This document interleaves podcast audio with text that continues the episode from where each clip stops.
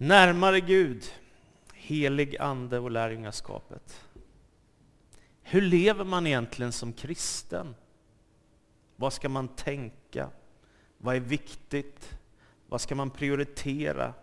Hur bevarar man närheten till Gud? Hur bevarar man den första kärleken till Jesus Kristus? Hur finner man en genuin tro som bär genom allt? Det är ju några små frågor som jag tänkte svara på nu. genom att vandra genom aposteln Petrus liv lite grann. Det kan lätt gå slentrian i en kristen människas liv, både i andaktslivet och i gudstjänstfirandet. Som att de här dramatiska händelserna kring Jesus från Nasaret blir intetsägande och slätstrukna. Raka motsatsen till vad de verkligen är. För var i hela världen kan du finna ett äventyr som ens är i närheten av det som Jesus från Nasaret står för? Var finns det i hela världen? Kan du visa mig? Och när vi missar de omvälvande ord som Jesus ger oss och hans kraft, då är det som att vi glömmer bort att vi befinner oss på helig mark och vi glömmer bort känslan av helighet. Vi slutar att förundras. Vi faller inte längre på knä. Vi ber inte längre från hjärtats djup. Och så blir Jesusrörelsen en avslagen, utspädd religion, kristendom. Är ni med? Lejonet av Juda förvandlas till en spinnande och tam huskatt som man kan hantera hur som helst. Och så blir kyrkan oförarglig, menlös och nästintill betydelselös. Om man förlorar den första kärleken till Kristus så får man en tro som betyder nästan ingenting. Och det är en djup tragedi eftersom Kristi liv och hans tjänst är fyllt av livsförvandlande ögonblick när människor som är trasiga blir hela, när det som är brustet läks och människor stod som förstummade inför Jesus från Nasaret för den han är och för det han gjorde och för det han sa. Det förvandlade människors liv. Jesus verkade i den helige Andes kraft. Och så tänker jag att det som föds i kyrkan egentligen är en kärleksrörelse som är till för att läka en trasig värld. Är du med? Kyrkan är inte till för att paja människors liv. Kyrkan är till för att laga en trasig värld. En dag står han där helt plötsligt, Jesus från Nasaren, Mästaren. Vad ingen människa hade kunnat ana var att när han vandrar längs med Genesarets sjö, eller Galileiska sjön som den också kallas i norra Israel, så ska snart en andlig revolution starta. En revolution som ska förändra världen för alltid och påverka alla världsdelar. Det är för detta ögonblick som han har kommit, Jesus Kristus.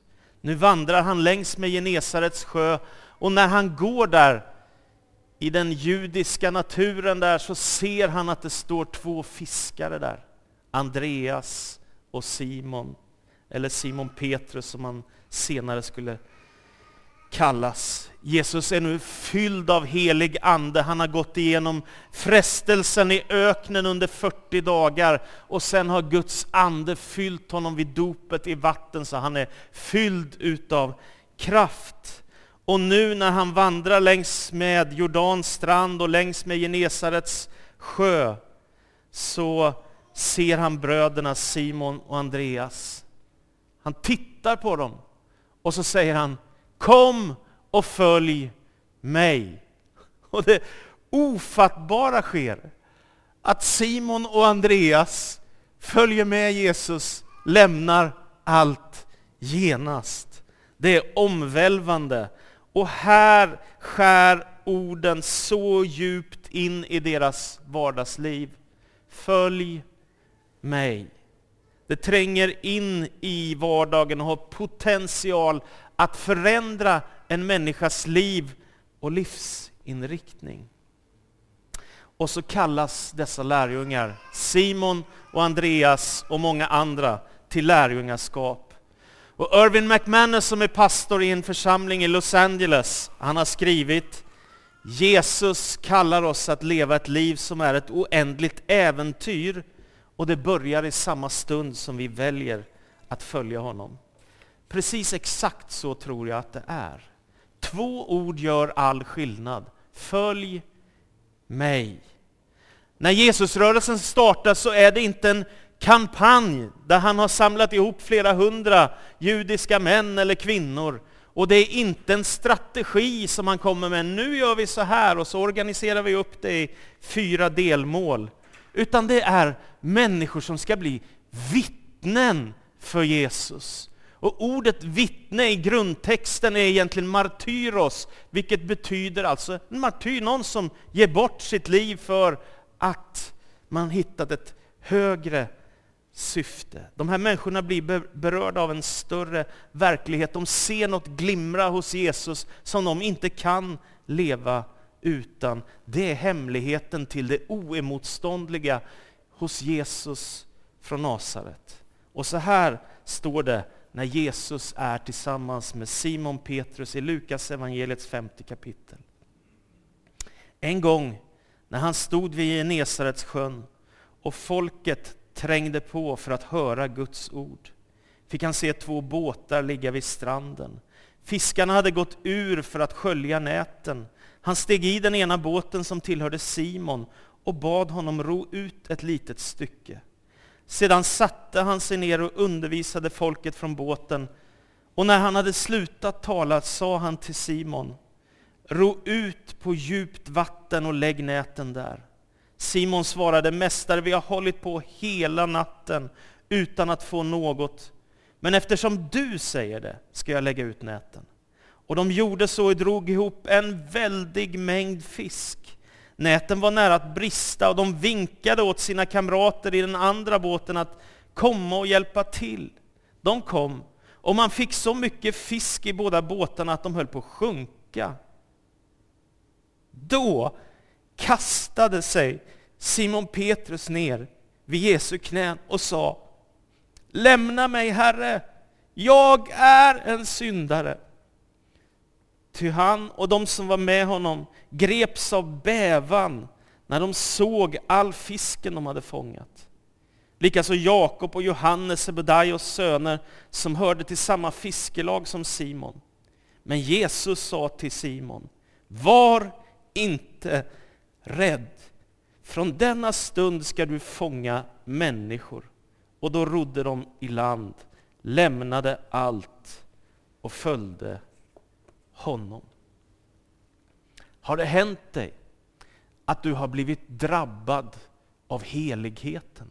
Drabbad av det där som är större än ditt vardagsliv, ditt arbete, din skola, ditt äktenskap eller dina relationer eller vad det nu är. Har det hänt dig att du har blivit drabbad av heligheten?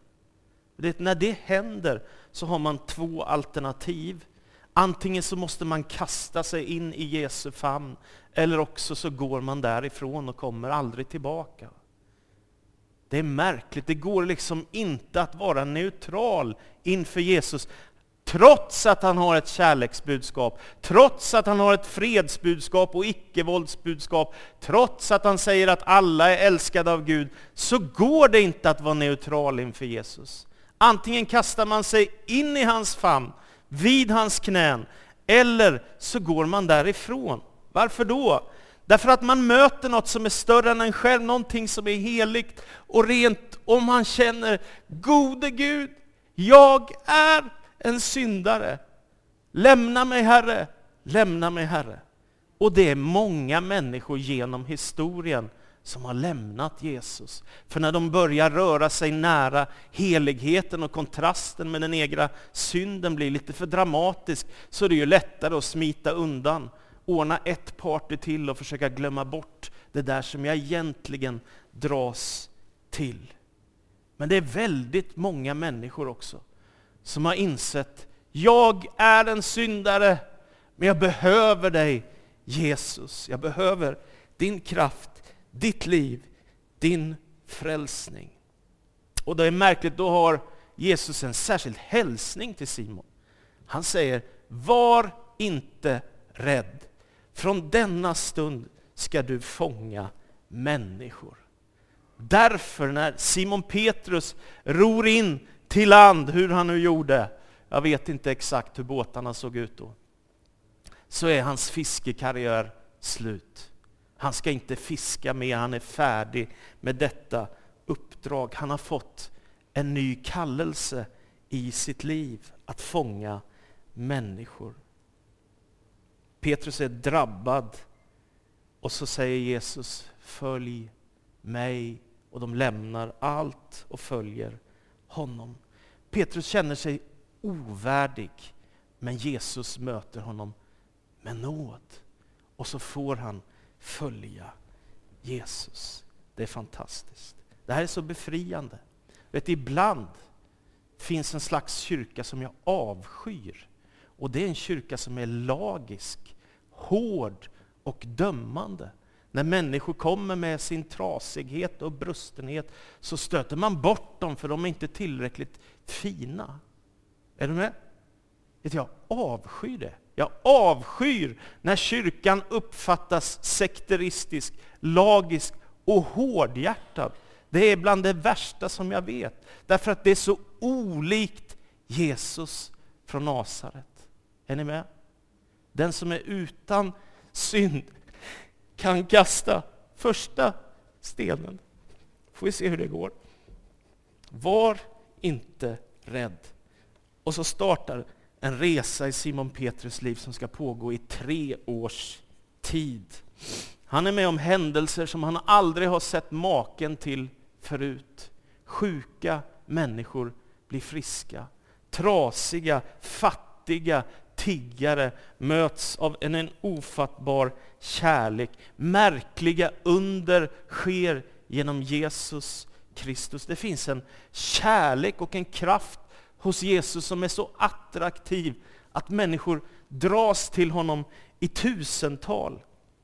Jag tänker på den blinde Bartimaeus som ropar Herre Davids son förbarma dig över mig och Jesus kommer fram och rör vid honom och han kan se igen. Vilket mirakel. Jag tänker på när lärjungarna säger barnen, bort med dem, de stör ju denne fantastiska Jesus. Och Jesus blir arg.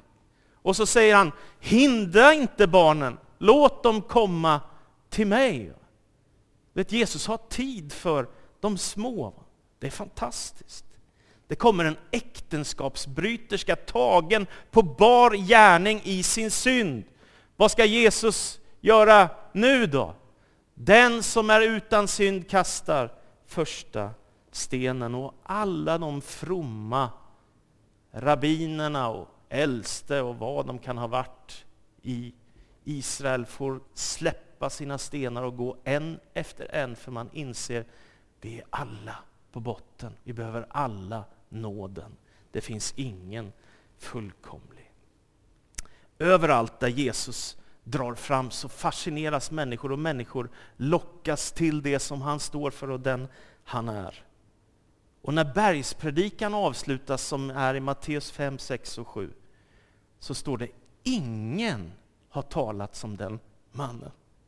Ingen. Ja, vet, då är det rätt okej okay att följa efter Jesus, eller hur? Vem följer du? Vem är värd att följa? Det finns många politiska ledare, det finns många duktiga människor. Men vem följer du djupast sett? Det finns en som är värd att följa. Jesus Kristus. Men nu är ju livet som lärjunge inte bara en räkmacka, en, en glassig segling genom livet. Utan det kommer också prövningar och svårigheter. Till exempel så fängslas Simon Petrus. Och det är väl risk för att han ska bli martyr för sin tro då.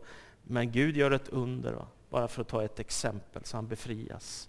Det finns en annan väldigt dramatisk händelse i Simon Petrus liv. Det är precis efter att Jesus har gjort ett ofattbart matunder när tusentals människor har fått att äta trots att det fanns så begränsat med mat. Han gör ett under. Då säger han till sina lärjungar att fara över till andra sidan sjön vid Genesaret. Där. Och när de gör det i natten så börjar vågorna och vinden kommer. Så att vågorna blir gigantiska och vinden blåser med en enorm kraft. Och lärjungarna är rädda för sitt liv. Vad ska nu hända? Då händer det ofattbara. Jesus har varit uppe på berget för att be, medan lärjungarna har fart iväg med sin lilla båt. Nu kommer Jesus, och vet du vad han gör? Han bryter naturlagarna. Han gör det som är fullkomligt omöjligt. Vi brukar ofta skoja här i Sverige, va? när isen ligger på. Nu kan vi göra som Jesus och gå på vatten. Vi skojar ju om det, eller hur? Nu kan vi gå på vatten, nu när det är is. Alltså det är omöjligt, det fattar vi alla. Men Jesus som Guds son kan tydligen gå på vatten. Varför? Därför att för Gud är allting möjligt. För en människa är det helt omöjligt. För Gud är allting möjligt. När Jesus kommer emot dem i natten, i stormen, i vågorna, så blir de livrädda för att de tror att det är en vålnad. Så de börjar ropa och skrika. Och Jesus säger, lugn, det är jag, var inte rädda. Och då har vi den ettrige Simon Petrus. Herre, om det är du, så säg till mig, säg åt mig att komma till dig på vattnet. Va? Och så stiger han ur båten och så greppar han väl Jesu hand och så bär vattnet för honom också ofattbart. Omöjligt mänskligt, bara för Gud möjligt. Med Jesus, Guds son, på plats. Och så ser han mot Jesus och vattnet bär. Men plötsligt, det som händer oss så ofta som människor, så, så byter han sin blick. Va? Från blicken på Jesus till blicken på omständigheterna. Är ni med? Alltså han skiftar blick från Jesus till hav eller sjön och till vinden och vågorna. Och helt plötsligt så börjar han sjunka. Och då ropar han Herre hjälp mig, hjälp mig! Och Jesus greppar hans hand och så säger han Simon Petrus, varför tvivlade du? Varför tvivlade du? Det här kan drabba människor. Jag tror att det har mycket med detta att göra. När man slutar se på Jesus, bildligt talat, när man slutar ha Jesus i centrum i sitt liv, eller slutar ha Jesus fokus i sitt liv, då kan allt annat ta över. Sjukdom, prövningar, arbete, skola, barn, barnbarn, familj och släktingar, någon olycka, något som drabbar oss och, och vi äts fullständigt upp av allting runt omkring oss. Och det som då kan hända, det är att man börjar tvivla och börjar känna att det sjunker. Nej men hjälp! Står jag på fast mark här nu eller håller jag på att sjunka genom vattenytan? Och jag vill bara skicka med att det, det, vi är inte gudar, vi är människor. Va? Därför händer sådana här saker ibland i människors liv, att man ropar till Gud av oro och vånda och kan tvivla och kämpa. Men jag vill säga till dig att det stora i ditt liv är inte ditt tvivel, utan din tro. Är du med? Din tvivel hjälper dig inte. Det är inte så om du tvivlar lite till och lite till, så bara yay! Utan det är dead end. Va? Det leder ingenstans. Förstår du? Alltså hur mycket du än tvivlar kommer det inte bara oho, ja, där var befrielsen. Utan det är när du vågar lita på Jesus, när du vågar gå i tro som någonting händer. Därför säger Jesus till exempel till Thomas, tvivla inte utan tro. tvivla inte, utan tro. Och så kan du se att det faktiskt bär, du inte direkt ensam om att tro på Jesus. Så kommer dagen, den stora dagen, när Jesus ställer allt på spel. Han frågar, vad säger människorna om vem jag är? Och det är ju ingen tvekan om att människor i hela Israel har sett vad Jesus har gjort. Därför kommer en massa förslag, profetnamn.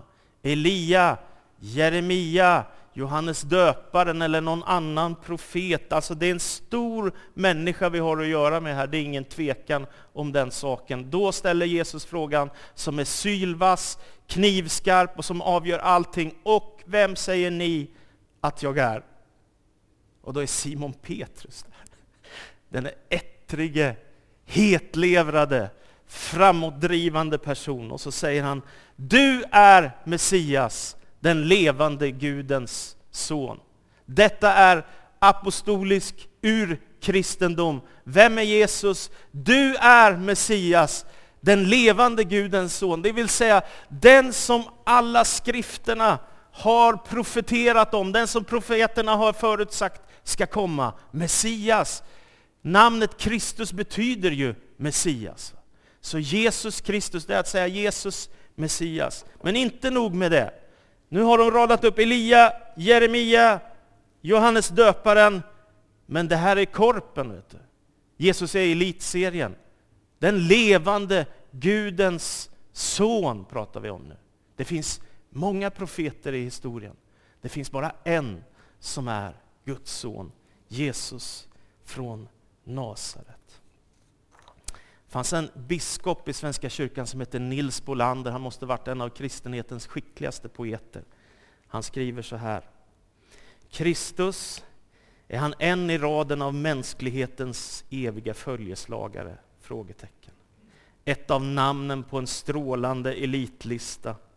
Sokrates, Buddha, Jesus, Mohammed, Augustinus, Franciscus, en staty att ställa upp i ett panteon tillsammans med, tillsammans med andra heroes? Ja, och ändå nej. Det räcker inte. Jesus vill inte veta av denna placering, detta inrangerande i ett lysande följe.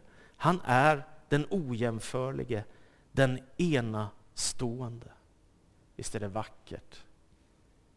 Jesus bekräftar Simon Petrus bekännelse och så säger han Salig är du Simon Barjona, alltså Simon Jonas son.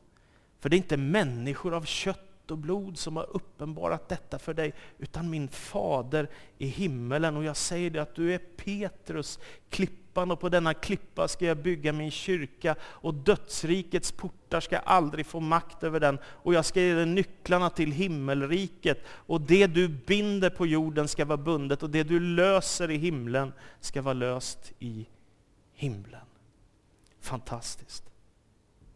Ingen är som Jesus. Och därför, om man upptäcker det, om man kommer till den tron, då blir det omöjligt att leva ett likgiltigt liv för kristen tro eller för Jesus. Är ni med? Alltså jag kommer ihåg min lärare som jag hade i systematisk teologi på Örebro teologiska högskola. Han sa, inför Jesu kors kan man inte säga jasså. Det går inte. Är ni med? Det går inte att säga jasså. Man måste säga ja eller nej. Och säger man ja, då är det fullständigt kört. Då är man helt lost, för man är på en resa som ska pågå i evighet och du är inte längre herre över ditt eget liv. Det finns någon annan som styr rodret. Fantastiskt. Och då kan man tänka, nu är vi framme. Yes, nu är vi klara, nu är allt i mål.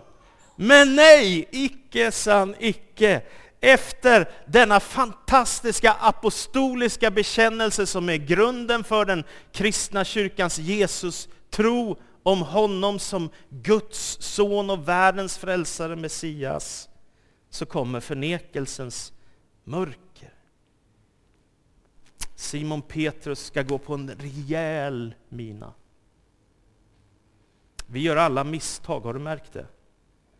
Och det hjälper inte hur gammal man blir, man gör misstag ändå, eller hur? Visst är det irriterande? Tänk om man kunde sluta göra fel på livsresan och bli perfekt, det vore väldigt skönt. Men tyvärr, så är det inte att vara människa. Vi gör alla misstag. Livet kan vara tufft ibland. Nu händer då detta i ett semane att soldaterna kommer, ledd av Judas Iskariot, förrädaren, som går fram och kysser Jesus på kinden och säger Rabbi, ett av historiens fulaste förnekelser. Ett förräderi. Då tar Petrus upp ett svärd och är beredd att försvara Jesus. Och då säger Jesus, den som tar till svärd ska dö med svärd. Lägg ner svärdet. Och så blir Jesus tillfångatagen. Han förs upp till översteprästens tempel, eller palats där. Och så där är han. Och vad händer? Simon Petrus följer efter på avstånd, på distans. Han vågar inte gå för nära för då är ju soldaterna där, men han följer på avstånd. Kan det också vara en liten hint? Det kan vara farligt att följa Jesus på avstånd. För att vad händer när du ställs i prövningar?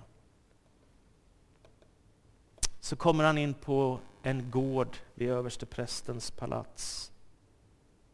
Problemet är bara att där finns en liten tjänsteflicka som säger du var också tillsammans med Jesus ifrån Galileen. Nu inser han att det börjar bli farligt här. Så Petrus förnekar och säger, jag förstår inte vad du talar om. Och så går han därifrån. Av rädsla går han ut genom porten i Jerusalem. Då är det en annan kvinna som känner igen honom och säger, han där, han var tillsammans med Jesus från Nasaret. Petrus blir livrädd och svär och säger, jag känner inte den mannen. Stressad och med hög puls rör han sig vidare. Och så kommer det en tredje gång. Visst är du också en av de som följde honom. Det hörs ju på talet. Då svär Petrus och bedyrar, jag känner inte den mannen. I samma ögonblick så gal en tupp. Och då står det att Herren såg på Petrus. Och jag kan tänka mig, det måste ha gjort så ont. Herren Jesus Kristus vände sig om och såg på Petrus och så mindes Petrus att Jesus hade profeterat och sagt innan tuppen gal tre gånger, eller innan tuppen gal så ska du ha tre gånger har förnekat mitt namn. Och så står det att Petrus gick ut och grät bittert. Så var det. Och det slutar inte där heller, utan Jesus spikas fast på ett kors på Golgata och han dör. Och då kan man tänka att detta äventyr är slut och nu kan vi gå hem. Va? Men det slutar inte i en tragedi, utan det som händer är att på tredje dagen så blåser Gud i sin basun ifrån himlen och han uppväcker Jesus Kristus ifrån de döda genom den helige Andes kraft så att Sonen får liv igen och han stiger ut ur graven och stenen rullas undan. Tidigt i gryningen på påskdagens söndagmorgon så kommer några kvinnor för att besöka Jesu grav, de som älskade honom. Och så ser de det oerhörda att stenen är bortrullad.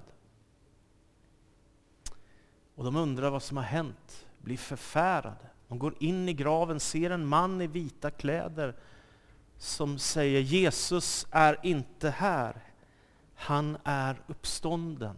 Och gå nu till hans lärjungar och berätta vad som har hänt. Och vet du vad det som står i Markus evangeliets version av den här berättelsen? Hälsa särskilt till Petrus. Hälsa särskilt till Petrus. Kanske behöver du de orden idag, att det kan vara en hälsning till dig. Där du är i ditt liv och du känner, hur ska jag hantera mitt liv? Det finns en särskild hälsning ibland. Att Gud har omsorg, Gud tänkte på Petrus och Gud tänker på oss också. Den vackraste scenen efter uppståndelsen det är när Simon Petrus och hans vänner är ute och fiskar igen nu. Det här är märkliga saker som har hänt. Och så helt plötsligt, när de har varit ute hela natten, ännu en gång utan att få en enda fisk. Det känns som att de skulle behöva gå en kurs i fiske. Det händer gång på gång. Fiska hela natten, men inte en enda fisk. Det är fantastiskt. De skulle behöva gå fiskekurs helt enkelt. Men så ser Johannes att det står en gestalt på stranden. Och så säger han, det är Herren. Och det som då händer är ju så underbart igen också. Simon Petrus kan ju inte vänta och sakta ro in, utan han snörper ihop det han har på sig och sen så kastar han sig i sjön och så simmar han så fort han kan in till land för att få möta Jesus. Och så kommer en av de vackraste scenerna som finns i hela Nya Testamentet. Och det är att efter måltiden som Jesus bjuder på med fisk och med bröd, så ställer Jesus frågan till Simon Petrus. Simon, Johannes son, älskar du mig mer än de andra gör? Och då används ett särskilt ord i grekiskan här, agape, alltså det starkaste ordet för kärlek. Och då svarar Simon, Herre du vet att jag har dig kär. Ett annat ord för samma sak, va? inte så starkt, lite svagare. Och då frågar Jesus en andra gång efter en stund, Simon, Johannes son, älskar du mig? Nu har han sänkt ribban ett steg. Herre, du vet allt, du vet att jag har dig kär, svarar Simon Petrus. Och så kommer tredje gången frågan. Simon, Johannes son. Och då har Jesus sänkt sig. Har du mig kär? Och då brister det för honom. Herre, du vet allt. Du vet att jag har dig kär. Simon Petrus har tre gånger förnekat att han känner Jesus. Nu har han tre gånger fått erkänna att han älskar Jesus. En befrielsens stund. Och så till slut så kan man komma ihåg då också att verklig framgång kan ibland gå igenom hemska tider av misslyckande och prövningar. Så jag skickar med dig, låt inte det som ligger bakom dig förstöra din framtid. Låt inte det som ligger bakom dig förstöra din framtid. Det är efter den här händelsen som Petrus ska få till fullo gå ut i sin tjänst för Jesus Kristus. Och han som var en enkel fiskare vid Genesarets sjö ska nu bli den mest viktiga ledaren i urkyrkan.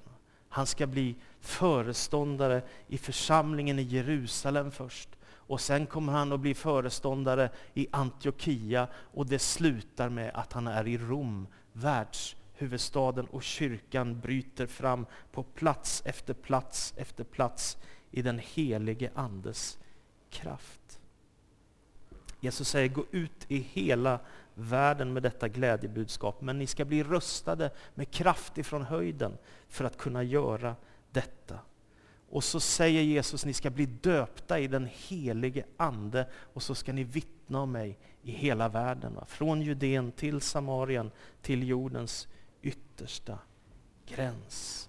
Så är lärjungarna i bön i tio dagar från Kristi himmelfärd till pingstdagen. Och när de har bett i tio dagar så kommer pingstdagen, denna judiska högtid och då hörs ett dån som av en stormvind från himlen och tungor som av eld kommer över lärjungarna. Här är gudomlig kraft i rörelse och de fylls av den helige Ande allihop och blir frimodiga i sin tro. Och då händer det i Petrus liv att han reser sig i sin fulla kraft och kan gå in i sin tjänst.